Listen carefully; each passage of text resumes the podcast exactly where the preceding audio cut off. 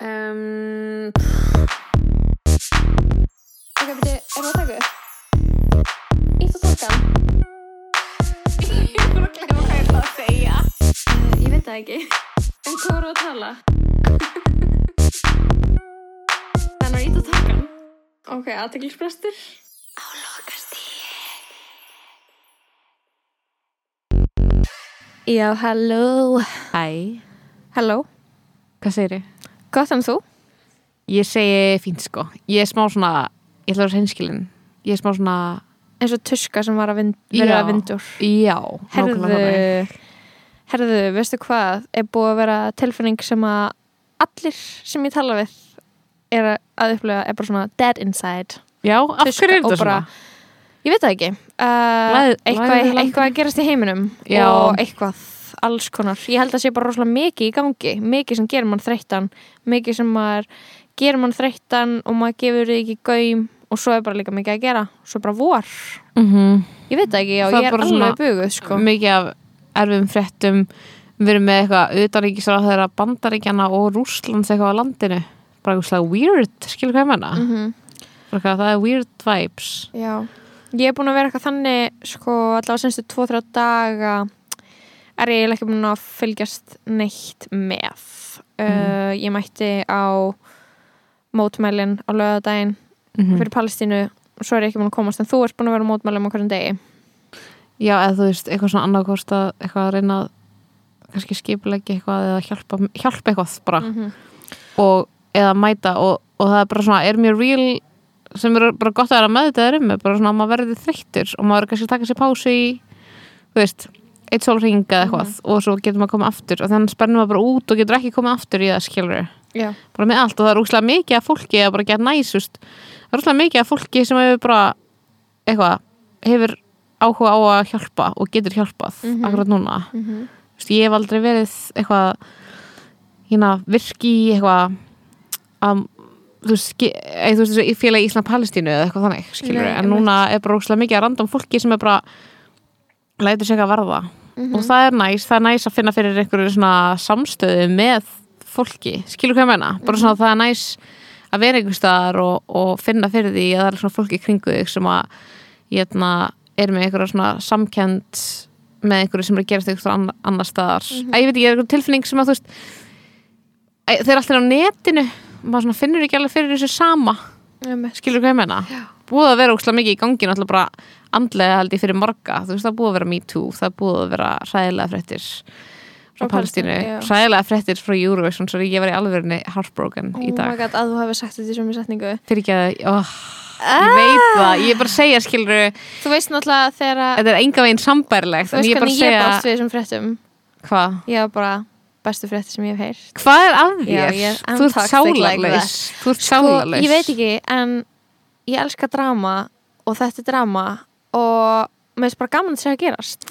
Ég er bara eitthvað, ok cool, ég fór, að, ég fór að gráta sko yfir út af því að einn gaur í gagnamagninu fekk COVID ég og er ekki vídeó- slappur. ég fór að horfa á vídeo á, honum að segja frá því að hann verið með COVID. Fórstu og þú því? fara að gráta sko. Ég, horfði á ég, það. ég, ég sæt æja þetta smá yfir öxtina og okkur og mjög er eitthvað, ok engin samkemmt, mm, ekki, ekki fyrir fólki sem er keppa í Eurovision. No there is not. En þetta er, þetta er algjör vomb, þetta er svo stór vombriði þú ert búin að vera að vinna einhverju í tvö ár þú færð ekki að gera það í fyrsta sinni svo ertu búin að æfa og æfa og æfa og æfa. Þú hefur eitt sjans, skilur við hefum allir í einhverju frestað út af COVID, skilur Mhm. og hérna, það er ótrúlega leðilegt skilur þú veist eitthvað svona ég fekk COVID og, og þetta fresta frumsýningu en það skiptir kannski ekki allir mála á einhverju verki og þetta er bara svona, það er vombriði þegar þú ert búin að vinna einhverju og þú, þú ferð ekki að klára það og það er eitthvað svona gett stórt og því finnst þér óslega mikið pressa á þér eitthvað frá eitthvað þjóðinni ég hef mikla samkenn með þessum strák þetta er ekki sambarlegt við neitt annað sem er að gerast í heiminum skilur en ég hef samt mikla samkenn með honum Mhm. út af því að Ég heyri það, ég skil það, en mér líður bara ekki eins. Og ég, ég hef bara alltaf verið hana. Sambandið við Eurovision, sko. Ég fór náttúrulega að gráta þegar Selva vann ekki í Mhm. hérna 99 Já, ég var alveg, ég, ég var svo Euro kid, sko. mm -hmm. Og svo bara var ég eitthvað, er ekki dætt inn í þetta aftur Ég fór að gráta yfir óréttlæti heimsins þá sko eða svona eins og þegar maður er sjö ára og maður fyrir að gráta yfir óréttlæti heimsins sem Mhm. er eitthvað svona, ekki alveg óréttlæti heimsins heldur bara svona eitthvað sem þið finnst vera óréttlátt skilur við er, er minni líkur að maður vinni ef þetta er eitthvað prírekka atrið og þetta er ekki live kannski, þú veist, ég átti mig ekki á því þetta er, þetta er eitthvað svo never been never happened before. Never been done before. Never been done. En þú veist, ég var bara eitthvað svona bara vombriðin að þú veist, ég finnist þetta að vera þér að kenna. Það er eitthvað tilfinning sem kemur yfir því að þú eitthvað svona smitast, eitthvað svona sendir fólki sótkví og þú hugsa bara, þetta er mér að kenna. Ég átti að gera eitthvað öðru sér þó þú vitir kannski að það er ekki neitt annars sem þú hefði gert. Við vorum all bara hvernig? Eða skilur Mhm. bara hvernig að, Mhm. hvernig naður að smitast og það voru svo miklu sóttvarnir. Þetta kennur okkur enn og aftur hvað þessi veiða er skæð. Veira er veiran spyr ekki skæða. Hún spyr ekki búin að segja, hún spyr ekki um stund, stað, Aldur, kyn, fyrir stöð Nákvæmlega. Fyrir störf. Hún gerir það ekki, Hún spyr ekki hún bara, hún leggst á fólk. En þú veist, ég er líka bara eitthvað svona mér finnst eins og, ég get að hugsa eitthvað ég er að að finna blóraböglið skilur Ok. Ok, að því að Eurovision keppnin eitthvað færa fa- já, Jón Óla Sand, ég vil kalla það ábyrðar hér í dag. Ég, hefna, ég er eitthvað svona hvað þú veist þú ert að fá eitthvað fólk og fólk er greinlega smitast. Þú veist, það kom líka upp í öðrum hópi. Ok. Smitt Já. og maður er eitthvað svona ok, þú ert að halda þessi keppni. Veist, verður ekki að vera með eitthvað geggjaðinn place þú veist, ég veit að þau eru með þessar upptökur en ég er eitthvað svona, akkur var þetta ekki bara í hverju landi fyrir sig og þú ert ekki að stefna, þú ert bókstæðlega að gera bara þetta bara stefna saman ógeðslega mikið af fólki á saman stað mm, mm, mm, mm. fyrir eitthvað, skilur við akkur var þetta ekki bara eitthvað live Frá hverjum og frá stað? hverjum einu stað og bara svona eitthvað prótokól í gangi þannig að þetta væri svona svipað. Æ, Já, ég og, og hóstarnir bara teknir upp á einum stað Já. En ég meina, já, það er náttúrulega eiginlega bara fáranlega legit spurning, sko. ég mist þú það skrítið Já, það er spes. En auðvitað, þú skipst ekkert öllum málið sér prírekordað. Ég held að það taki bara smá svona magic úr því. Nú er ég Eurovision fan, sko. Mm.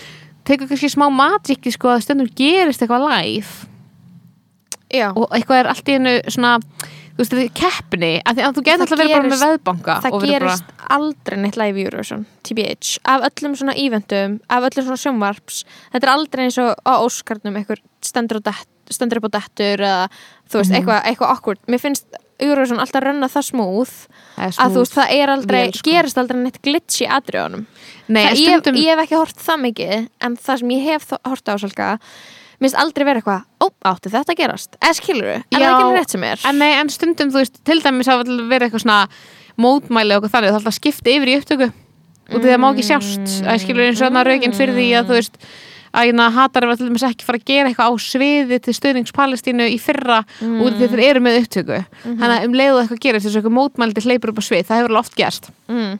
Að Það bara einhver skipt í alltaf upptökuna. hleypur, það var bara skipt í upptöku. En þú heyrir það samt, það er samt eitthvað svona rýmið þú heyrir það og þú ert eitthvað á og getur eitthvað svona að googla hvað er gangi. Eða þá einhver er allt í náttúrulega falskur.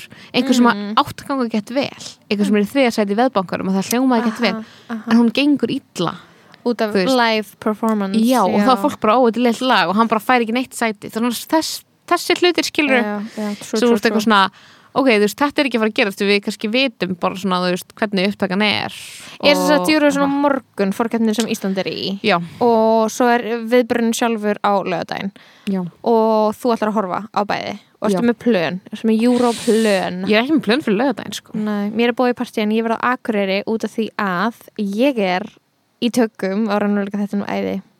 Ok, ég ætla að revíla catchphrase-una úr æði þrjú ok, love it. Þeir eru binniglið með þennan. Mhm. I love it. Patti með Ok, vinkona mín kær. Ég er að til yfir þetta svo illa. Og svo að er ekki- frumsýna á með því að þú deliverið þá. Ekki finnst að þetta þeir sem eru með katsfrísið, bara þú. Ég mér er svo ógíslega fyndi út út af as því told að by Lóa. Hanna, og svo náttúrulega þetta slei, vorum ekki að grínast með á, áðan sko eitthvað að vera að segja ykkur um eitthvað og fá síðan eitthvað svona catchphrase replya það, ég er ólétt. Slei, ég er döfanum að krabba minn mhm. Ég vil skilna. Ok, vinkonum minn kær. Já, I love ég er bara að sko. vera með workshop eitthvað svona grín sko. Þetta er gott grín, sko. Ég elska katsfrísina, ég býð, þú ég elska katsfrísina í Beverly Hills, svona, neða, þú veist, Real Housewives, veist, framtíðis, það er alltaf með eitthvað svona, það er alltaf eitthvað, eitthvað, I'm just, not just a wife, I'm also the boss, eitthvað svona Da, da, da, það er eitthvað svona, eitthvað svona og- lína sem það eru með. Eins og hérna í Thirsty Rock er svolítið gert grín af alls konar svona vinsalir bandarísku sjónvarsefni mm -hmm. eins og Tracy Jordan, konan hans kemur aðeins inn hana í fymtu serju og fær sinni einrönnverkar þátt sem heitir Queen of Jordan sem líka ósla fyndi og til að Jordan er ekki bara Tracy Jordan heldur líka Jordania. Já. og catchphrase hennar er alltaf eitthvað It's my way till payday. Það er að þau kastfis og karakterinn er eitthvað svona hún full, eh, svo full hvítkona og frændi sem er að krakki og einn fashion gay. Veist, þetta er bara karakterinir í Queen of Jordan. It's my way till payday, payday. Og þetta meikar engan sens uh, já, svo hann að MILF Island sem er hann að raunverulega þátturinn eða þú veist, fake raunverulega þátturinn um MILFs Já. eins og Love Island nema það er bara MILFs og Teenage Boys það er ógeðslega gott um, allt ógslag góðar hugmyndir að actual raunverulega þáttum eða þáttum sem eru mjög líkir eitthvað sem gæti verið til í alvörunni sko.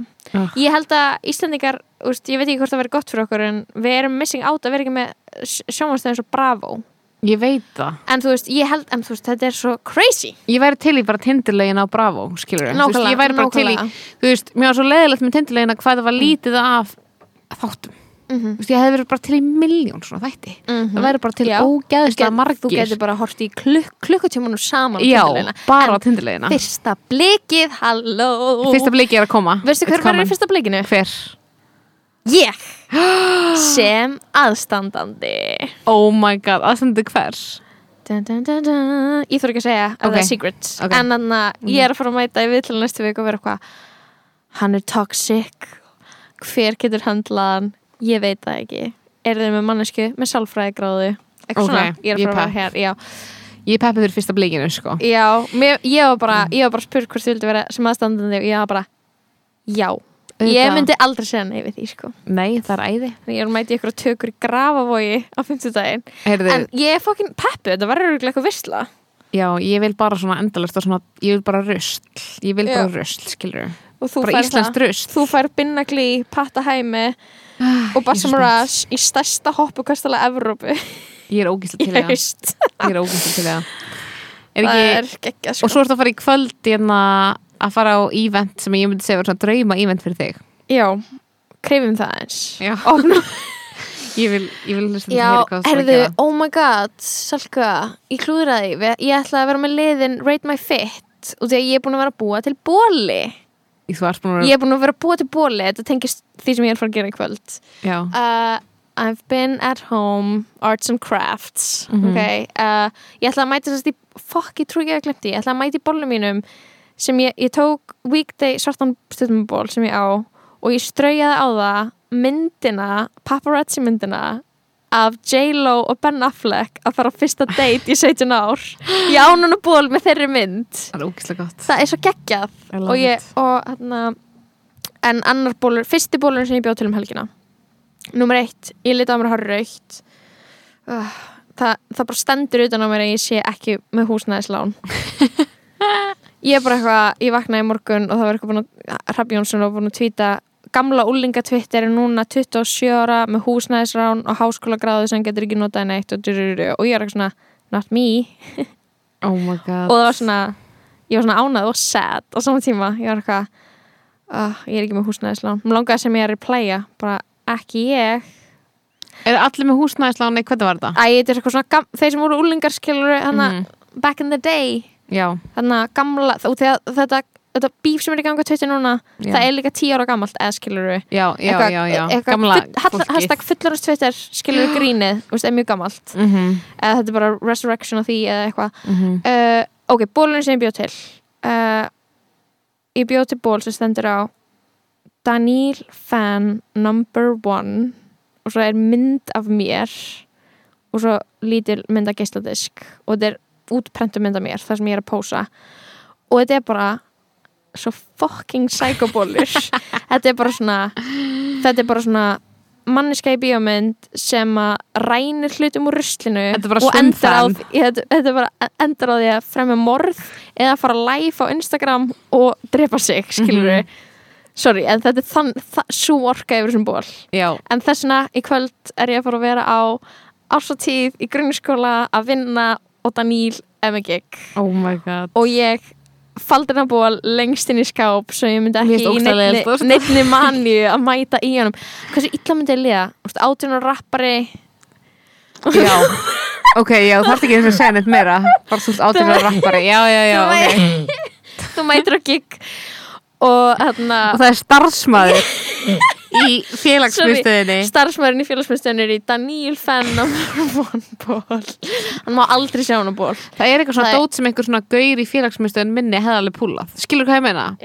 En, og ég hefði lesið það sem svona I'm in with the kids já við, við sko félagsmyndstöðar starfsmenn við erum a different breed sko. Við höfum leiði til þess að vera aðeins lengur í úlingamenningunni já, út í að hún er bara í lífin okkar alltaf í vinnunni. Mm og það er ekki ekki það, ég veit ekki stundar hvort að þau eru öll eitthvað svona, eða þú veist, mér finnst ég stundum hlusta meira á eitthvað svona íslenska tónlist heldur en þau. Og það byrjaði, veist, eitthvað svona það journey hjá mér að vera að hlusta á eitthvað íslenskt rap byrjaði bara þegar ég byrjaði að vinna í útvarpinu. Og, við, og þú veist, það voru alls konar fólk ekki út lög og maður tók viðtöl við þau.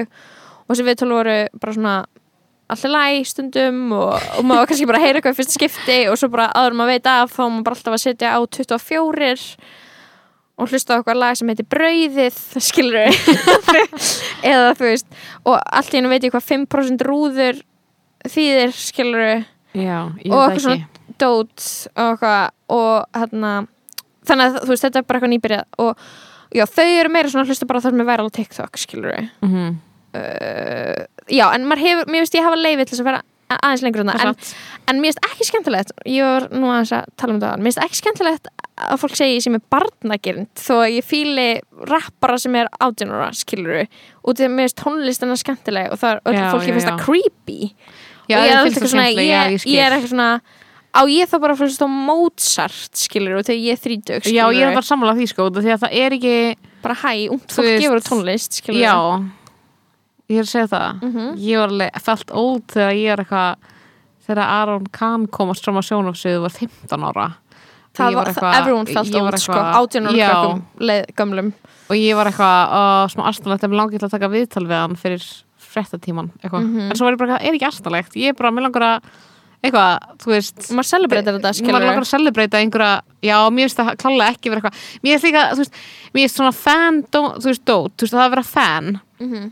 megi ekki alveg vera svona uh, það sama og finnast einhver eitthvað heitur eða skilur hvað ég meina nákvæmlega oh my god, louder for people in the back sko. þú veist, mér finnst maður klálega, þú veist, geta verið bara ég er algjör fan, skilur Já. bara eitthvað, án þess að maður sé eitthvað já, eitthvað að gyrnast manneskina þá er maður bara eitthvað, vá, mér finnst þetta ógst flott þú ert að gera og bara gett veist, ég, ég, veist, ég var alveg eins og fyrir tveimur árum þú veist, þegar Flóni 2 kom út Mhm. þá var ég bara Flóna fan, skilur Mhm. Og það var ekki til ég var eitthvað heima bara eitthvað, hann svo sætir, mér langar að byrja með honum. Mhm. mér finnst hann, auðvitað finnst mér hann mjög cute, skilur, og mér finnst hann í mjög mikið cute líka og þú veist, og Aron kann líka en líka bara tíu árum yngri en ég og bara ekki gaur, ekki Já, svona já, veist, ekki, þú veist, ég hef verið með krössaðum, skilur ég, þegar ég var tíundabæk Mhm. alveg eins og þegar ég var tíundabæk þá var ég Rettur Steffson fan og þá var ég alvörunni með kröss, en er ekki gaurar búin að skemmi þetta smá fyrir manni? Þegar gaurar er aukslega eitthvað svona oft eitthvað að, ég mér líður eins og að sé stærra svona lít fyrir stelpur að vera eitthvað svona mér sem að geta sem sagt eitthvað svona sem stelpa að þetta er bara svona ólíklega að maður sé í alvörun eitthvað að meina að mann langi eitthvað að deyta eitthvað átjónar og gaur að því ég bara veit ekki þennan stelpur sem langar til að deyta átjónar og gaur skilur Nei. en það er ógslag mikið eitthvað svona gaurar sem að eru til að deyta átjónar og stelpur þannig að mér finnst þess að sé pínu vera veist svona, svona eitra manns samband við ungt fólk skilur hvað ég meina með því að, að einhverjir gaurar hafi eitthvað in the past verið eitthvað, þessi gila er eitthvað du, du, du. einhver ný stelpa sem kemur inn á sjónarsviðið og það er einhverjir gaurar creepin skilur Já, okay. en, en, svo lang, en svo er ég líka maður langar að búa til enn annan distinction sem er eitthvað svona ég fíla þessa tónlist en ekki sem eitthvað svona ekki eitthvað mom vibes Nei, að nei. ég sé eitthvað mætt en það sem eitthvað svona soccer mom Mhm. eitthvað vát, svo duglegur nei, nei, nei. bara eða skilur aldursfordumar í samfélaginu þú veist, þetta er bara eitthvað ég er bara eitthvað mein. fíla fíla þessa tónlist og ég, ég nenni ekki að, að það sé verið eitthvað að seima eitthvað fyrir það Nei, og líka bara eitthvað Við elskum Ef- segjum fólk fyrir allt skilurðu. Já, já, ég veit að, ég veit að, við segjum fólk fyrir allt en ég bara svona, ég held að við værum þetta kemur náttúrulega bara inn á það sem við vorum að ræða við Tönju og Jóa í sensta podcasti sem var mjög Mhm. skemmtilegt, mjög skemmtilegt podcast Mhm. óslega gaman að tala við þau uh, hefðum getað tekið upp 5 klukkutíma podcast Mhm. ef við hefðum, örugglega ekki verið gott fyrir samfélagið En við hefðum getað gert það. Við hefðum getað gert það. Mhm. klifta niður, gefið út 5 þætti farið frí. Farið frí til Benidorm. En við ætlum aldrei frí. Við ætlum alltaf að vera we hérna. will be here.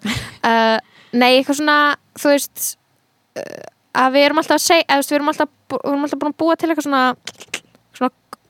svona hópa fyrir þig skilur sem þú tilherir og eitthvað svona eftir 25 þá ertu bara búin að graduata yfir einhvern annan hóp sem að gera aðra hluti og jammar, jammar öðruvísi hlustar á öðruvísi tónlist og eitthvað og ég finn klálega það er svo mikið að gerast Mhm. já, mér finnst öðru sér jam skemmtilegt og eitthvað svona, og mér langar ég er byrjað að hlusta á throwback tónlist, mjög Mhm. mikið Mhm. ég er, þú veist, oft bara að spila tónlist úlingsárana minna, Einmitt. eins og, þú veist og er minn eitthvað, að að setja mig inn í nýjan og nýja tónlist eða skilur Mhm. eins og maður gerði þegar maður var úlingur það er alveg basic, en eitthvað svona bara eitthvað veist, það græði allir svo ógeislega mikið á því ef að bara eitthvað fertur gaur getur verið eitthvað, hei, er ógeislega mikið flóna fan Mhm. og allir eru bara eitthvað cool í stæðan fyrir að vera eitthvað, ha, en flóni gerir tónlist fyrir stelpur í áttundabæk Já, já, já. Bara eitthvað, mm, ef þú fílar þetta og fílar þetta og það er bara gett fyrir listamannin að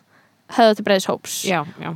I don't know, Totally. just thinking out loud. Er það ekki það sem við gerum? jú, í þessu podcasti, Mm við gerum það vissilega þannig að já, ég vona að Daníl taki Bracy, stór Audi. Ég vona líka að hann taki þarna leðublaka Já. Á Ég veit- Ég veit einhverjum ástæðum að Daníl á eh, lögin Stór Ádi og Leðublaga en ég hef ekki heyrt þessu lög og ég, ekki, ég veit ekki hvernig röddinn hans hljómar þessi. Ekki. En ég er og bara þú, eitthvað bara, þú er aldrei orðið það forvitið og farin á Spotify að spila, skrifa Daníl án gríns sem er Ok, fárlegt ok, sko. já, já, já. Mér, ég er með einhvern ótrúlega bara svona bara hræðilegan skort á forvitni Mm, mm. og þegar kemur að þessu sko. já, já ég, ég skil það alveg mjög vel sko. ég, já, ég tengi alveg það að mér það verður bara fólk að tala um eitthvað er bara, mhm, ekki, mér finnst ekki gaman að hlusta á tónlist í fyrst skipti nei, ég, það er það er ekki suffering fyrir mig Já, sko. það er nefnilega ég, hræðilegt sko. ég vil heyrna 17 sinum í útvarpinu Já. og svo ætla ég að finna á Spotify án gríns ándjóst þegar Spotify gerir eitthvað svona Discovery, eitthvað Discover Oj. Weekly. Og maður ítur að playa og maður, ég er svona kippist til ég er eitthvað, hvað hljóð er þetta bara, ah, ég veit ekki hvað er að koma næst í læginu, ég er bara, ah, ég get alltaf svolítið að hlusta á experimental jazz. Já, mann er Ég illa alltaf staðar í alvegni og það er ekkert verra en því maður situr á eitthvað lag og þau eru eitthvað, að já, þú hlusta þetta. Ég held þú vilja hlusta á þennan artista næst bara nei, ég vildi "Ertu no frá þér?" surprises ég vildi bara ekki eða, þú veist, bara eitthvað, og líka listamenn oh my god, það er svo mikið til að fokkin artistum á Spotify sem heita bara eitthvað bull og Mhm. maður er aldrei heyrt um það og þeir eru bara að gera tónlist í fokkin tonnatali skiluru, Mhm. og maður er bara uh, þú veist, ég finnst það overwhelming tilhugsun og líka bara ég, ég, ok, það dögur mér að vita hver Dua Lipa er, það dögur mér að vita af Ariana Grande og Sissu og auðvitað skiluru gömlu geitunar skiluru sem maður þekkir Mhm. en uh, ég ætla ekki að vita hvað einhver típa sem er að gera tónlist í LA sem hljómar nákvæmlega eins og Sissa hljómar, Þess, ég, ég er bara eitthvað og ég ber, ber ómælda virðingu fyrir fólkinu sem að þekkir 20 artista Já, í ykkur svona ákveðnu sjónra algjörlega. Nei, ok, 20 300 skilur og það er bara eitthvað með eitthvað random og þetta eru eitthvað artista með geðveitt fá listens. Ég Ég held ég hef sko aldrei verið til í að eitthvað svona að hlusta á nýja tónlist bara alveg random, skilur hvað ég meina? Bara svona ég man þú veist, ég er unglingur þá var þú veist, eitthvað svona besta vinkonum mín, eitthvað mannskja sem var eitthvað svona ég er að finna nýja tónlist, var eitthvað Hver er svona það? Greta, eitthvað svona, var eitthvað svona skoða blogg og finna tónlist, það var bara svona Já. real thing. Þú varst bara eitthvað svona á einhverjum bloggsíðum og eitthvað Tumblr og eitthvað Mhm, að leita einhver nýri tónlist, eitthvað svona sem þú fílaðir og fannst eitthvað svona gett, eitthvað sem engin annar að hlusta á skiluru, Já. segja bara eitthvað svona ákveðið currency þegar þú ert í gagfræðiskóla skiluru Já, sérstaklega ef það var síðan vinsalt setna Já, nákvæmlega. Þá varstu búin að vera fan síðan En ég var alltaf bara svona, ég vil trusted sources ef ég byrja að hlusta Já, bara Rolling Stones magazine bara Nei, þú veist, að meina bara Top einhver sé 100 bara eitthvað records of the decade Rolling Stones Salka skrála Nei, veistu Nei, hver meira svona einhver svona sem ég þekki eða Já, fyrsti já. sem er eitthvað svona, þetta er geðveitt Ég get Já, ekki verið bara eitthvað nei. random eitthvað Spotify, you don't know me Ég get ekki þarna, ég held sem óryggi sko í því að ég get ekki fundið eitthvað random og verið eitthvað ég held að þetta sé gott stöf Nei, ég get ekki, eða þú veist, mér finnst sammála, ég mjög er ekki erfitt að með ákveða sjálfsöryggi í það. sjálf Nei. og þarna og ég, já, það er freka það ég er rosa góð í að bassa eitthvað sem er vinsalt sem ég finnst drasl, eins og Mhm. eins og Þannig að öll leginas Jón Sonssonar og eitthvað þannig skilur og eitthvað það, fattari og Mhm, líka eru stundum og svona fleiri eins og hugin og bara nýja Aron Kahn-dótið Mhm. Fattar það mig? Þú veist, þá, ég get alveg sagt okkur mér finnst þetta bara ekki vera gott, skilur Já, og svo fíla ég líka fullt artistum sem gera heitt en miss lög. Mér finnst það, veist, eitt svona í íslensku rappi þetta er náttúrulega fólki með stærstu egoin Mhm. og það er þetta alda gamla Reykjavík, þetta er bíf og þess að segja þessi sé með lila texta og þess að segja þessi kunni ekki að rappa Mhm. og svo komur ykkur ný rapparar og það er bara hver, hvað ný Þetta rappar þetta, ga- hann kann ekki hann kann ekki að rappa durururu. en mér þetta bara smá gaman sko uh, að vera með svona ungt fólk sem er bara mjög spennt fyrir að gera tónlist og það gerir bara eitt geggjað og næsta ertu bara eitthvað what? Mhm. þú veist, og það er bara hit and miss og það er ekki allt aðeinslegt og þú veist, það er bara svona húmor í mörgu og sko svo ókvæslega margir rapptekstar eru bara fyndnir. Mhm. Þeir eru bæði unintentionally og intentionally fyndnir. Og já, mér finnst það mjög gaman. Mér finnst, mjög gaman af læginu Stór Áti og bara mér finnst ókvæslega fyndið þegar fólk er eitthvað og maður er eitthvað, já, þetta er samt líka alveg Funny. funny lag, Mhm. skilur það er bara, þetta er rappla um bíl. Já, nokkulega, það er, Og- já, sammála. pull up á Audi, það er maður stór bíl Þegar kongurinn í þessu er Gísli Pálmi sko. Ég bara mun ekki gleyma sem ekki ég nöytas hlusta á Gísli Pálma, það er Gísli Pálma var svona nýkomin á sjónasvið mm -hmm. og hann var, og ég bara eina lagi, fyrsta lagi sem ég heyrði með hann var hann að sem hann er eitthvað stekkið svo hlébarði orðurti þóta já, já, já, þegar ég fyrir í gang eitthvað. Og maður bara eitthvað, þetta er svo ógeðslega fyndið að það er intriguing, það er endur mjög mikið að rappurum þannig núna, það er bara eitthvað svona þú veist, ég held að hann hafi svona paved way skilur algjörlega. í þessu, Og svona text- saga B núna og Stone Love og eitthvað sem eru bara að Text, vera textan hans. Jóa eru bara fyndnir. Já, Eh, text, textan hans Jóa eru mjög funny og þú veist þannig að mér, og mér finnst það mjög skemmtilegt þá mér finnst tónlistin þá líka bara að hafa eitthvað eitthvað annað entertainment value Mhm. sko En ég elska þetta er Uh, einhvern svona já. típur sem eru svona típur sem ég bara eitthvað, hvaðan kom þessi mannskja eins og þú veist, eins og þegar að Gísli Pálmi var að setja YouTube-vídeó á Mhm, netið, skilur mhm. og maður bara eitthvað, ha, að það var bara eitthvað að bera ofan skilur með Mhm. ógstlega mikið eitthvað að keðjum þetta var svona ekki komið einhvern veginn hingað, skilur Mhm, mhm. og, og þegar að, einmitt, þú veist, eitthvað svona Saga B og Stone Love og eitthvað og maður bara eitthvað, hvað fólk er þetta? Og ég hef aldrei séð áður, skilur Já, bara svona, ég skil ekki hvaðan þeir, þú veist, Vi- Vissur að það er komin íslensk Ariana Grande sem heitir Sigga Ósk. Hæ? Ok, sko Þannig að þetta er eitthvað, við setjum linka á þetta allt Byrju, Sigga Ósk. Ok uh, Hérna, ég ætla bara ætla bara, veist, þetta er fagurfræðin sko, hérna, og hérna, sérðu sérðu sem er að spila og, Sigga Ósk með setu, vá hvað það þarf að koma og fram er Ósk. hún er svona að dansa með vinkonu sínum og það eru alla gælur sérðu hvað eru mikla gælur og hún svona syngur og slá fallega og veist, þetta væri Ariana Grande lag ef að textin væri ennsku Já, hann er bara eitthvað, segðu mér, eitthvað hérna skilur og hún er ekki og svona, hún er ekki að koma úr eitthvað svona Alda Music eða Sony samstarfi, þetta er þetta er all bara her sko I love it já, og þarna og það, get, veist, það sem er svo, svo skemmtilegt við, við tónlist á Íslandu því að við erum á svona eigu og við, við innbyrjum svo ógeðslega mikið af bandarískri popmenningu Mhm. og svo reynum við að reprodúsa það hérna og það er bæði jafn skemmtilegt þegar það hefnast og þegar það mistakst Já, og 100. það er beautiful Mhm. og, annars, og stu, sumir bara dansa á línunni endalaust og maður veit ekki er þetta epíst eða er þetta fárlegt og það er bara svolítið gaman að vera inn í því limboi, skilur já, en ég veit að til dæmis strákanir í æði voru eitthvað að hlusta á hana. Sigga Ósk, Binnigli, Sigga Ósk, með seti já, Ósk með setu, þau getur tjekkað henni og Ég Og eitthvað, að vera með eitthvað svona ógislega basic nafn eins og Sigriður Ósk skilur Sigga og, Ósk. og breyta því bara breyta því í setu. Og þú koma með bara Sigga artist Ósk. name, Sigga Ósk.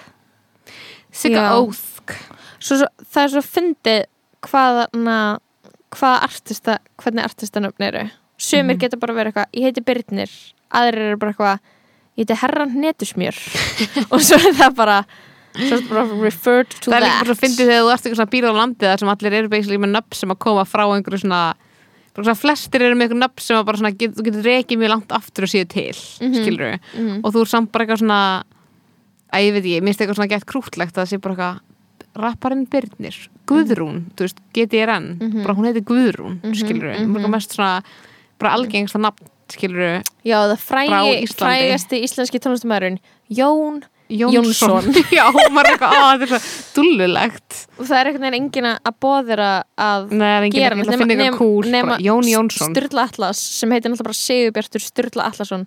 Sturla Atlas. Sturla Atlas. Joey Christ. Og svo logi bara, logi Pedro hann er náttúrulega með Pedro sem að kemur með svona Já, spice já, nákvæmlega um, já, ég En þú veist Já, en þeir eru Ég er kannski svona að reyna þetta, þeir eru svona að gera eitthvað cool úr nöfnum sem eru sem bara eitthvað, þú veist, Jóhann Kristoffer og Sögurbjörnstur Sturla, svona ógæslega stór nöfn, eitthvað svona, mm -hmm, bara eitthvað, Guðrún Eifjörð, eða ekki, hefur hún ekki það? Heitir hún ekki hún það? heitir Guðrún Ír Eifjörð. Svo en svo er náttúrulega Young, young Nico Drippin Hvað hvað er hans raunverulega nafn?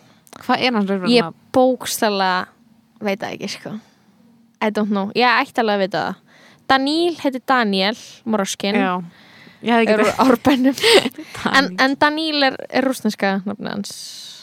Dani, hann er halvrúsneskur Ok, vibes. Mamma hans er Russian. Þú ert bara visku brunnur þegar það kemur að ég reyna að vera ég reyna, já, ég get eða þú veist, ég er samt svo Æ, nei, ég er ekki sko ég, na, en ég ætlaði að vera svona Daniel expert ég var eitthvað svona, æ, ég get orðið expert í, í einum rappara sem er svona niche Eins og Eh, Daniel? já, eins og lef það, sko. uh, já, að þú veist hinn er, það er, er margir GP sérfræðingar Gísli. Pálma Já, að það er svona margir um hitina þar þú- Þetta er að finna þér eitthvað annað já, já, já. MC, MC Chris, Chris Mundur Axel ég hlustaði á podcast um daginn þar sem hann sagðist vera besti rapparinn. Og ég var bara já, Hmm. ég var bara ok. I love your confidence. Bara já, bara ég hann var hérna bara, ég bara, þú veist miklu betri heldur þessi gaur ég bara geti geta á alla og ég var bara ok Og mér stóðst að fyndin pæling að vera með svona sjálfsöryggi uh, unmatched ekki Já, en er, er það ekki svona smá, þú veist, það, það er náttúrulega svona í rappi þá ertu svona, það er svona menning Mér fyrir finnst því þess að þú, að, tapp, þú tappar inn á það eða þú tappar já, nákvæmlega og you have to go there en Ég ég bara, þetta er svo unrelatable fyrir mig En getur ímyndað þér að, að tala svona um þig á einhverju sviði? Ég get ekki ímyndað það, sko. Ekki neinu. Ég bara, já, Ég ég, get- er best í þessu. Ég geti ald, myndi aldrei meika að segja það. Mm -mm. oh my god. Bara ég Um, er best í Við erum með besta podcast á Íslandi. Já, bara eitthvað, ég myndi fyrir degja heldur en að fullra eitthvað svona sko. Um, bara, ein, Já, einum manneskjan sem er tilbúin að fullra þetta er Gísli Martin já, ég, já, ég sko já, um okkar podcast. Já, þá, vona ég. Ég, ég er svona eitthvað veistu hvað er svona pathetic? Er að vera eitthvað, ég er best í því að vera ég sjálf. Það er fyrlægt en ég er enda fáralega góðið að vera ég sjálf sko. Ég er alltaf að tala um hvað ég, ég er alltaf með, með hverju árunum finnst ég bara að vera meira og meira ég. Já. Og mér finnst það geggja, það er svo ógeðslega gaman að eldast mm og vera bara eitthvað Ég elska að basically podcastið okkar eitthvað svona aldurs, aldurspælingar og aldursfordóma podcast já, út af því að samfélag okkar er gegnsýrt af ageisma. Mhm. og það er að eyðilegja líf okkar. Pældi hvað maður getur verið áhyggjulegs og carefree. Þú veist, bara, og bara sáttu með það sem maður er í gangi, en í staðin þá er maður að gera eldast. Og maður er að bugast En ég er svo ekki bugast sko. Nei, ok. Nei, en mm, ég veit, ok, þú ert ekki að bugast mm. en það eru mjög margir, þessu. það eru mjög margir að bugast undan þessu. Það? Nei, það er, það er ekki bara það, ég er að eldast varandi útlit, það er smá svona eitthvað hvað, alltaf eitthvað, hvað er ég að gera við lífið mitt hérna, þessi já, tilfinning já, já, já. uh, eitthvað, ég á að vera komin á þennan stað og þau líður aldrei eins og þú sért komin á rétta staðin fyrir þinn aldur, Mhm. eða skilur Ég held að sé, það er einhver svona pressa sem ég held að þú veist, afkasta samfélagið, skilur að við séum Mhm. alltaf svona metin eftir -hmm. hvað við erum að afkasta og hvað við erum að gera og eitthvað svona career dæmi Mm. og, en þú veist, svo finnst mér alltaf vera bara svona, mér finnst alltaf geðveitt næs bara að hugsa um bara svo ókslega mikið af fólki sem að hefur ekkert byrjað að gera það sem að það gerði ókslega vel fyrir en upp á færtu, bara ókslega mikið af fólki sem bara eitthvað bara eitthvað Eva Duvernay, þú veist, leikstir í fyrstu myndinni sinni 35 ára. Þú veist, já, og og þú veist, búin að gera ekki að eitthvað hluti ókslega, bara endalega svona dæmi skilur og líka bara úst, við dyrkum að tala um krakka sem að gera eitthvað epist þegar þau eru krakkar. Já, og það er því að það er, úst, eins og ég hugsa núna um 15 ára mannesku mm að setjast niður og skrifa lag Já, rappa það og gefa út vídeo og verða síðan úsla frægur. -hmm. út af því að ég hugsa um 15 ár út því að eins á spann pældi hvað það er lítið og pældi hvað 15 ár er hlutfallslega bara ógeðslega stutt tími já, af lífinu já, og bara hvað þú ert skilur búin að gera lítið af Einmitt, hlutum einmitt. og þú ert bara eitthvað búin að fá brota brota af einhvern veginn reynslunni sem þú ætti eftir að fá Mhm. en samt einhvern veginn nærða búa til tónlist sem er low-key eðstalistformið Mhm. og aðna, ángríns, Það- er aðeins að lista já 100% og maður auðvitað respekta maður það bara Já. ógislega mikið Mhm. eða þegar fólk er að skrifa. Og því að ég get líka ekki ímynda með neitt erfiðara heldur en að setjast niður og skrifa eitthvað sem að bara breytir hugsun fólks skilur það er bara Ég ógislega hugsa reglulega um skrekkratriðið hjá hagaskólastelpunum manna elsku stelpur. Já, Ég hugsa reglulega um bara Vá, þið byggu til eitthvað sem let fólk eitthvað út í samfélaginu. bara eitthvað hugsa um feminisma og bara eitthvað svona bara eitthvað auka samkend og já, auka samkend og bara let, veist, og bara eitthvað svona þið gerðu eitthvað listaverk sem að er gett legit og geta hort á það núna að vera bara já, flott listaverk, skilur þau mm -hmm, og þið voru 14-15 ára, mér finnst það klikkað. Mhm. já, þess vegna er maður obsessed með eitthvað svona en það er ekkit eini tíminn sem eitthvað svona getur gerst á. Þú veist, það er ekkit Nei. eini tíminn sem getur verið að gera eitthvað gott. Nei, nokkula og mér finnst bara já, ég er þú veist, það er svona smá leðalegt sko, ég er að reyna að vera með svona eitt agenda í gangi sem er bara eitthvað að það sé að hafa gaman eða skilur og bara njóta þess sem maður er að gera. Mm. og því að síðan kemur þú veist, þú veist, því að það moment sem maður er í, það kemur ekkert aftur. Mhm. og því að síðan bara eftir ár breytist eitthvað, skilur og maður er bara farin að gera eitthvað annað eða mann líður eitthvað öðru í sig eða maður er með raukt hár eða maður er bad, skilur og bara njóta þess að vera í momentinu mm -hmm. skilur og ekki kvíða framtíðinni það er bara stundum svo, ég, ég er búin að vera upplega mikla skömm yfir því að þú veist, til dæmis bara eitthvað ég hef ekkert tvítað eða eiginlega ekkert sett á Instagram. Við uh, sleftum því að tala um það í báðum pod podcastunum okkar, tala um Me Too út í að við Mhm. vorum ekki með orku til þess og þarna og fannst við bara ekki, eða skilur fannst, fannst það bara ekki sense fyrir okkur.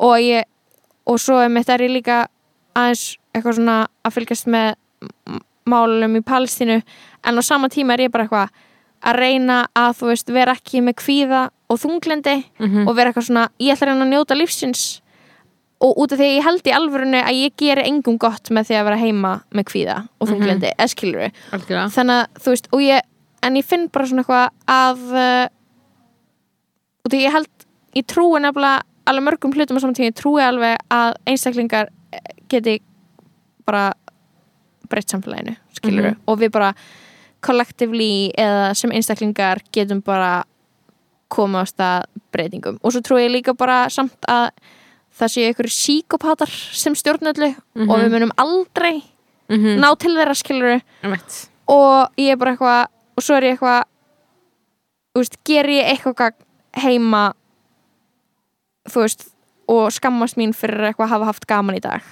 Emmett, emmett ég veit að þetta er ógeðslega slanlegt og svo er þetta líka veist, það er samt svo mikið það er samt svo mikið líka svona að vorkenna sér fyrir að vera með forréttindi, skilur við Já, já, já. part annað líka, að vera eitthvað svona eitthvað svona að ég, ég hef það ókslega næs og eitthvað, ég finn ókslega til með ykkur en ég með ókslega mikið sam, sammiskupið yfir því að þú veist, ég sé ekki nógu góður ally. Og maður er eitthvað, þú veist, allt já, já, já. Æ, fattar þau, og ég myndi aldrei, ég myndi aldrei segja þetta nema akkurat í þessu podcast, ég myndi aldrei tweet þessu ég myndi aldrei nei, setja þetta inn á netið eða skrifa grein um þetta að þetta skilst ekki í rituðu máli að þetta er bara svona skilur um mig? Já, en Eitthvað- ég held að þetta sé þú veist Já, maður er ekkert að gera eitthvað um gagna eitthvað í börnáti Nei, og maður tekur bara þá slægi sem vill og maður tekur kannski, hefur tekið eitthvað slægi gegnum tíðina, þú veist, ég klálega er alveg með fordóma gagvart fólki sem maður tekur aldrei neina slægi skilur hvað ég meina? já, já, já, bara svona notar aldrei svona sína rödd eða sína plattform til að,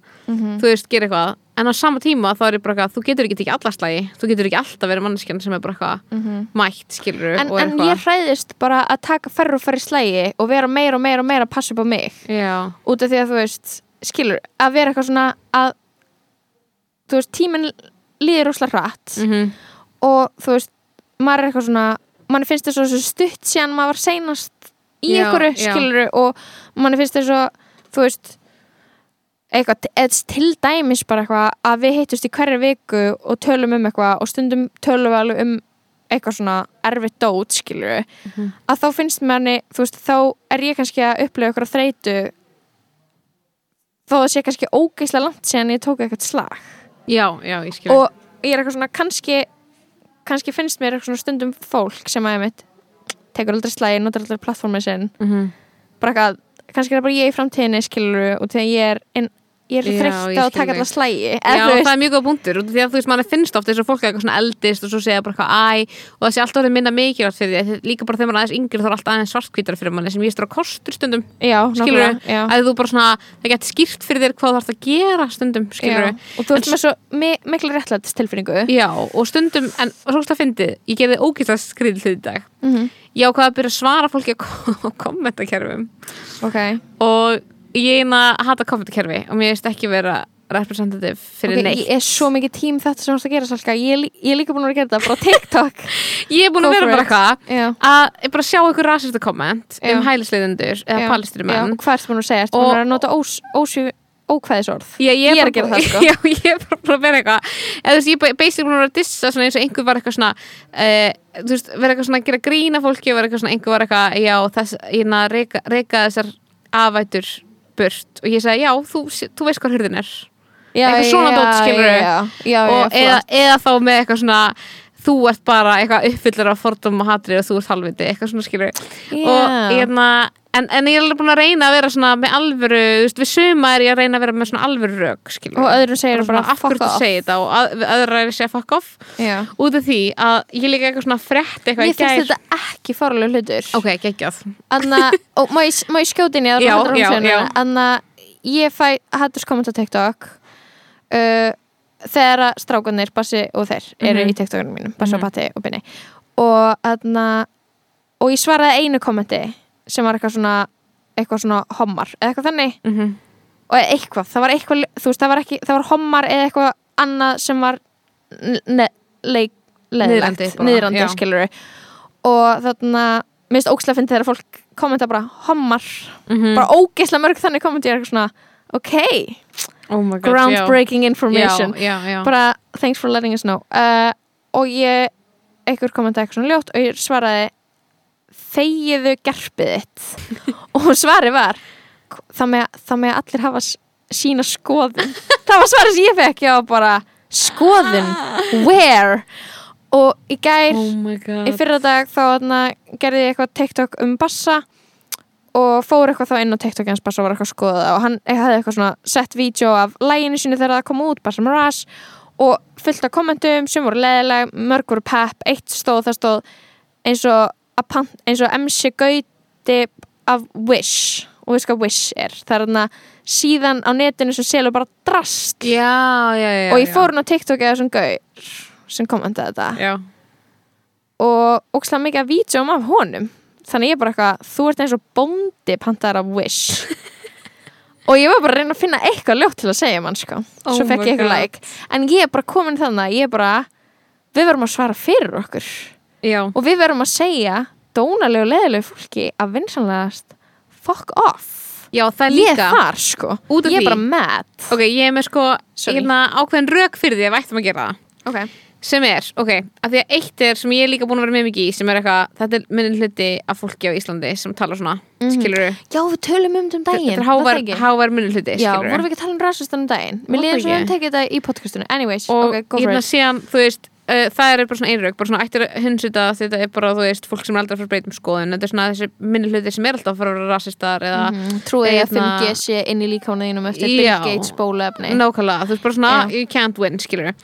þessi minni hluti sem alltaf að fara að vera rasistar eða trúið ég að 5G sé inn í líkánaðinum eftir Já. Bill Gates bólefni nákvæmlega, þú veist bara svona Já. you can't win, skilur en síðan er það bara svona uh, þú veist, gæti verið að það sé svona fólk sem sjáu þetta sem að lesa ekki þannig, sem að tilheyrir þessum hóp sem er verið að tala ill, illum já, já, og er bara eitthvað, ó ok, enginn er til að bakka mig upp og nákvæmlega þá er það bara eitthvað, ok, heyrðu, þú veist, ég ætla bara að eða, ég eitt bara svona hálftíma í dag, ég er bara eitthvað að bakka upp, skilur að því ég frétti, ég gerði það væri sko í alvörinni hérna hælisleitendur sem eru sko heimilisleisir núna, margir hverjir, það er verið að eftir hérna, þetta vísa þeim á landi þeir neita fyrir COVID-próf. Já, að fara kódpróf til þess að vegna þess að kódprófurinn er það eina sem stendur á milli þeirra og að fara upp í flugvél þú verður að vera með PCR, neikvægt PCR-próf til, að- til að fljúa Mhm. og, hérna, uh, og það var eitthvað fólk að kommenta og eitthvað. Og þeir, þeir eru búin að vera að lesa þetta Mhm. og þeir eru bara eitthvað, ó, ok, þetta er viðhórið til okkar, af því þeir eru bara eitthvað ó, þú veist, þegar þú til eru hópnið þú ertu náttúrulega bara hvað eru kommentin á fréttina um málið mitt, skilur nákvæmlega.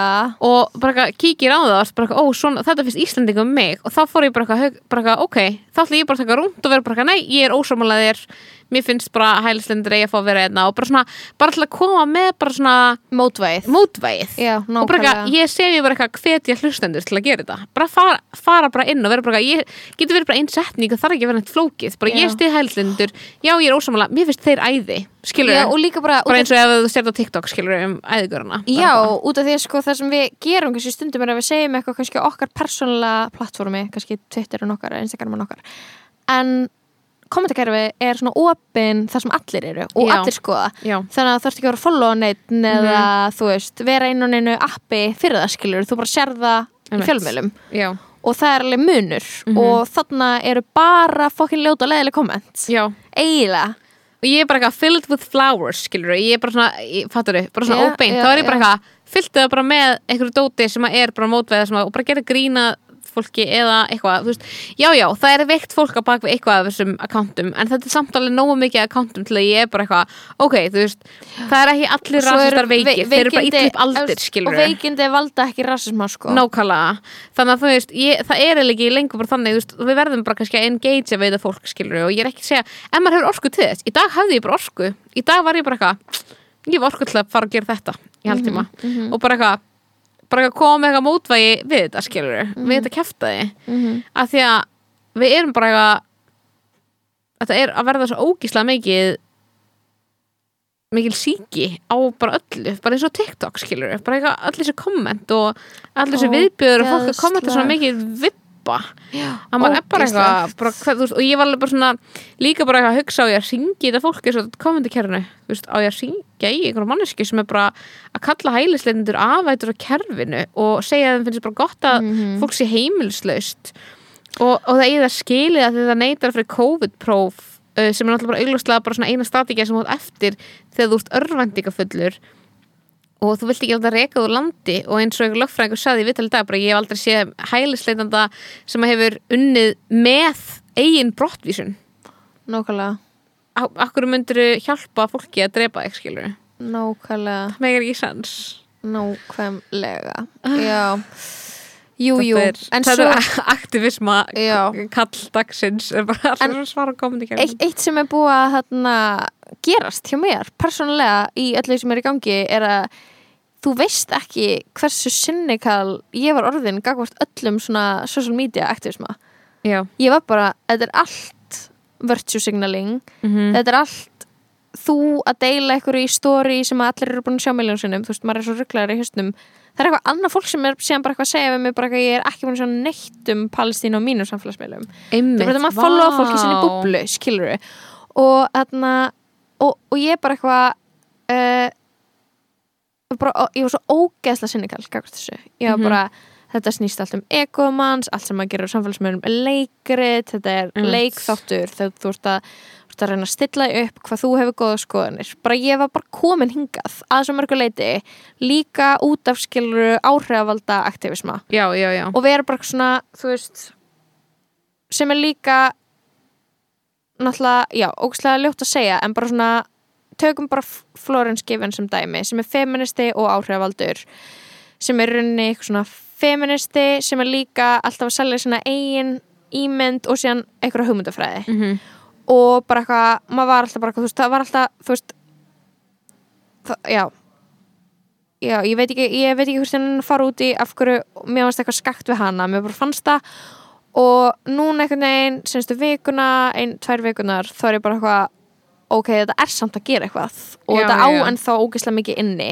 Og maður, þú veist, og ég finn það að þú veist stundum nenni ég ekki að spá í ykkur og svo degi tvö að ég ykkur er að tala um það á netinu þá er ég alltaf inn að fara inn að spá í það akkurat, og það, er að skipt, það skiptir mig máli. Akkurat og þú kannski, þú veist, einmitt og degi sjö þá ertu kannski mætnir austvöll Já. og bara eitthvað, þú veist, Já. eða farna í það púrt sjálf að skrifa, þú veist, Já. bref til áslöðurnu, eða eitthvað. Algjörlega, þetta er, já ég pínu komið einmitt með þessu sín skilur núna þá var ég eitthvað pínu svona bjart sín varandi samfélagsmiðla. Já, þú veist, ég, ég var alveg þar að þú veist, ég svona skammast mín fyrir að setja eitthvað svona pólitíst á, á Twitter og Instagram Já, ég skil ég og tími, og mér leiðir svona eins og tímabili í mínu lífi þar sem að ég skýt á áslöðurnu á samfélagsmiðlum. Já, mér leiðir bara svona, mér leiðir og er reyndar í lífið mér ennþá þannig en bara svona þeim kapla í mínu lífi sem bara svona lokið. Mhm. eða skilur og ég bara svona finnst erfitt að uh, hvað við persóna gerum allar svona pólitík, bara þetta er þú þú ert vandamálið, þú Já. ert óvinnum barna þegar við vitum kannski að þú veist að ef hún fer þá varum bara replaced með einhverjum öðrum Já. sjálfstæðsflokknum sem að alltaf Já. halda áfram að setja fólk á landi skilur Já, og mér fannst þetta bara svona svo mikið leik alltaf eitthvað svona, svo mikið leikrit í öllu skilur við Mhm. þegar það er náttúrulega, en svo er maður alltaf að pæli bara hvað virkar, þú veist, Já, hvað getur hvað gefið rétt pressuna já, skilur já. og ég held að þú veist maður má ekki líka halda þannig að þó að samtölun séu stundum einfölduð á samfélagsmiðlum að fólk sé ekki að eiga núansæraði samræður síðan við hvort annað í raunveruleganum þegar það hittist og spjallar mm -hmm. að bara eitthvað, og til stundum er maður bara eitthvað ok, þessi umræða er alveg þú veist það er búið einfaldana svo mikið eða, eða þú veist Já, og mér s- svo eru sumir með geðlöng stóri sem eru geðlókin Mér fannst líka, en, að, veist, eins og með MeToo, veist, við hefum ekki talað um, við hefum alltaf bara oft talað um kynferðsofbeldi, kynbundi ofbeldi, feminisma í podcastinu. Já, og miklu meira í sér svona annari bylgju, þá er ég bara búin að eiga eitthvað svona alveg frekar núansir samtöl við alls svona fólk um Mhm. þetta. Og mér hefur bara fundist það að vera eitthvað svona staður sem ég frekar vilja vera og ég hef alveg rítfýta dóti og eitthvað, skilur Mhm, mhm, en, en bara svona ég hef ekkert verið eitthvað að tjá mig eitthvað sérstaklega. Mhm.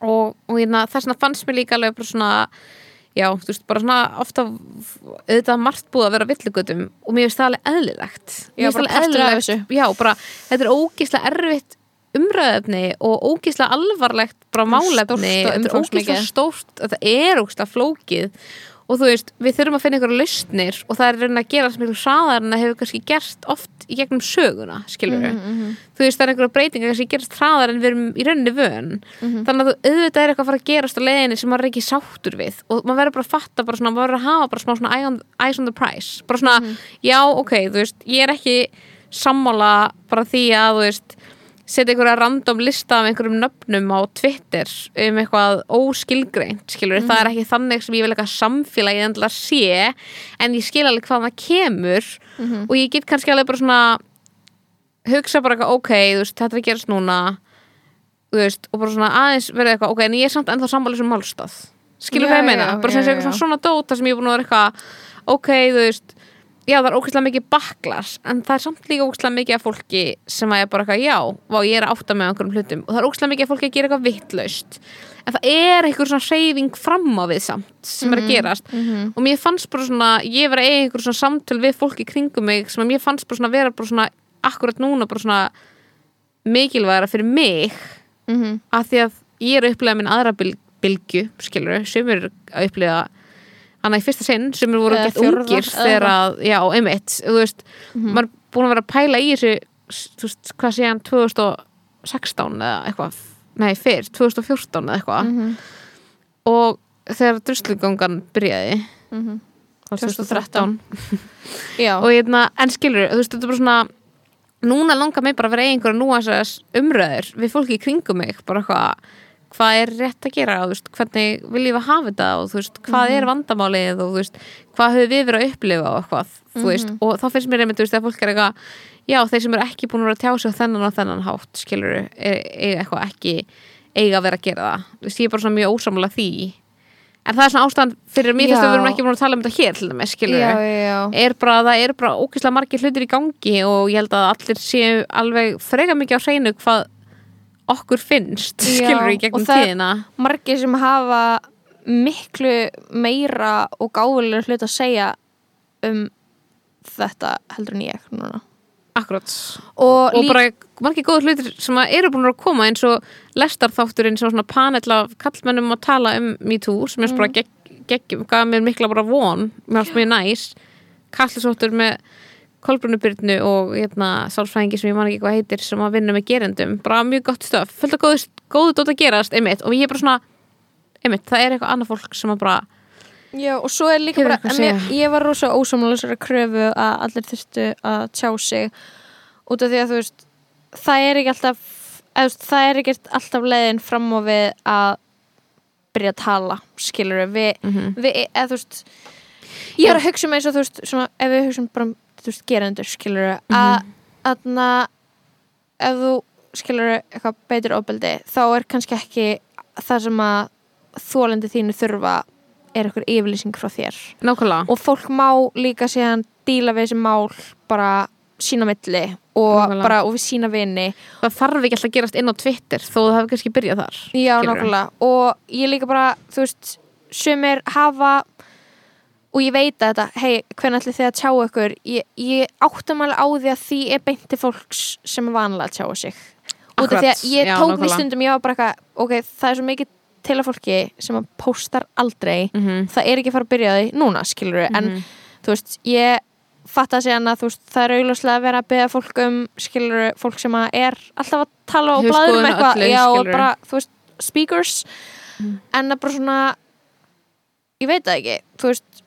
mér finnst líka bara krafan um að hlutinni gerist á get, að það sé svona snögt viðbragð það Já. er ekki, eða, þú veist, það, þannig, veist, þannig virkar allavega ekki heili minn ég er alveg búin að þurfa marga daga til þess að melta alls konar hluti Mm Þú veist, ég er bara eitthvað, sé eitthvað story um eitthvað og ég er bara að lesa það og ég er eitthvað það bara kemur ekki neitt viðbrað hjá mér út af Mhm. því að þetta eru hlutir sem að þú veist, eru erfiðir og flóknir og maður á okkur sambönd við eitthvað fólk og maður er eitthvað að reyna að átta sig, skilur Já. og maður má alveg gera það -hmm. og mér langar ekki að þú veist, ég veit ekki en það er kannski líka bara eitthvað aldursþing út af því að ég er alltaf já, Nei, en þú veist, það er alltaf bara þannig að þú veist, þú þarft ekki að bregðast við strax, skilur Mhm. og oft ættir ekki að gera það, ég meina við sáum það bara með sölvadótið, bara fyrir fólki sem er ekkert að bregðast strax, skilur já. og bara býða aðeins með að, þú veist, tjá sig um Mhm. eitthvað, hvað það held í einhverju máli, Mhm. en þú veist það er ekki að sam, já ég veit ekki og svo skil ég samt líka alveg kröfuna um að tjá sig strax,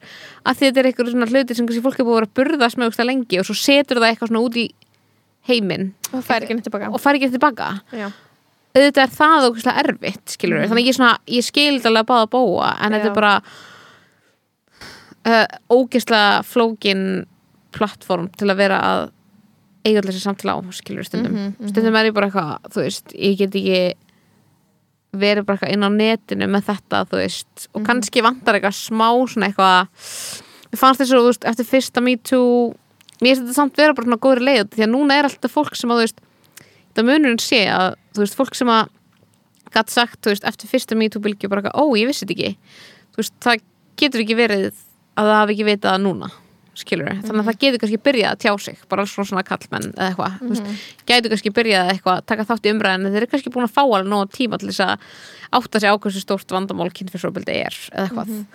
En það er líka þú veist eitthvað sem er að fara að taka langa tíma. Þú veist það er einhvern veginn ekki um leið að þú ein, það getur verið einhver kannski byrjun á einhverju ferli hjá þér að opna þig um eitthvað hræðilegt en það er kannski byrjun á skref já, um og það er óslega erfitt því það væri alltaf best ef maður væri bara eitthvað gæti bara skilað þessari skömm skilur og verið bara þetta gerðist skilur þetta er búið veist, og það sé búið en það er einhvern veginn veist, þetta ferli er einhvern veginn ekkert línulegt Mhm. þannig að það er að fara að taka lengri tíma Mhm. þannig ég er bara eitthvað svona heldur við séum alveg ennþá í miðna á þessu? Ég held að það sé alls ekkert búið skilur Nei, nokkulega þetta er bara rétt að byrja held ég þessi Mhm. umræða. Mhm. Vá, við tölum um þetta í podcastinu eftir allt saman. Ég er En samt- alveg ánægð að við gera það. Mér fannst alveg komið tím til sko. Mm. Mér fannst alveg Æjá, eða þú veist, það er líka eða þú veist, ástæðan er líka bara eitthvað að þú veist, það var erfitt að vera eitthvað nýbúin að vera að skoða eitthvað og heyra eitthvað í fyrst skipti og pæli ykkur og koma sér hinga og segja sér allt sem maður er að hugsa. Já. og þegar maður er bara byrjun á punkti í að hugsa um eitthvað. Já, það var ekki eitthvað- sens að ég geti sagt neitt um þetta fyrir viku síðan sko. Mm -mm. Þannig, en þú veist, ég meðast til reddi núna eða skilur, ég, en, en já, já, ég er alveg samanlega, ég held að þetta sé bara byrjunin, eða skilur og ég finn alveg geðvegan mun á strákum í kringum mig, eða skilur mér finnst eins og að uh, já, mér finnst eins og það sé allir bara með opina eirun, sko. Mm Algjörlega, ég er búin að einhver samtöl skilur bara við þú veist, fólki í kringum mig sem eru búin að vera aðlega strákar. Og ég meina bara eitthvað bara eitthvað að tala við bara, þú veist minn eigin föður skilur um eitthvað me too núna og þá er ókslega áhugavert kannski eitthvað svona person þú veist, það er kannski ekki hægt að alhæfa það, en mér fannst þess að þú veist að tala við hann um eitthvað feminisma fyrir fimm árum versus núna er bara heimin og haf já, vá, já, saman hér. Jú, bara, eða já, bara núna ekki- er bara svona maður komin á okkar level með fólki og ég átti bara gett gott spjallum þetta við hann, mér finnst það ókslega þakklátt skilur Mhm, mhm. bara ókslega næs. Mhm. bara að vera, það sem að það er búið að vera það mikil umræði í samfélaginu eitthvað, alls svona fólk er bara búið að hafa tíma til að bara taka þetta inn Mhm. og bara svona, ok, þú veist. Mm Algjörlega.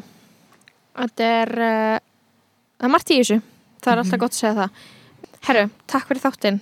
Takk fyrir Bara- þáttinn, gott að spjalla við þig og hætti bara skemmtið þið vel á Daníl í kvöld. Já, takk fyrir það. Ok, bye, There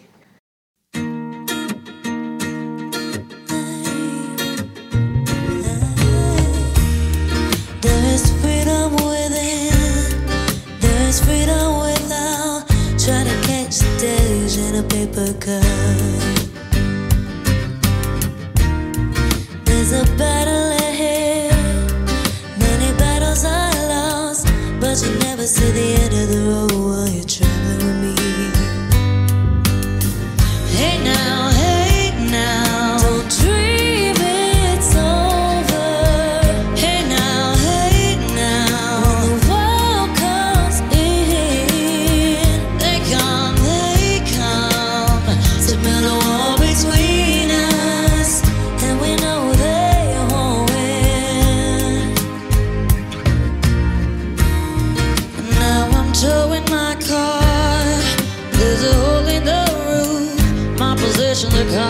cause suspicion, but there's no proof. And in the paper today, it tells of war and of waste. But you turn right over to the TV page.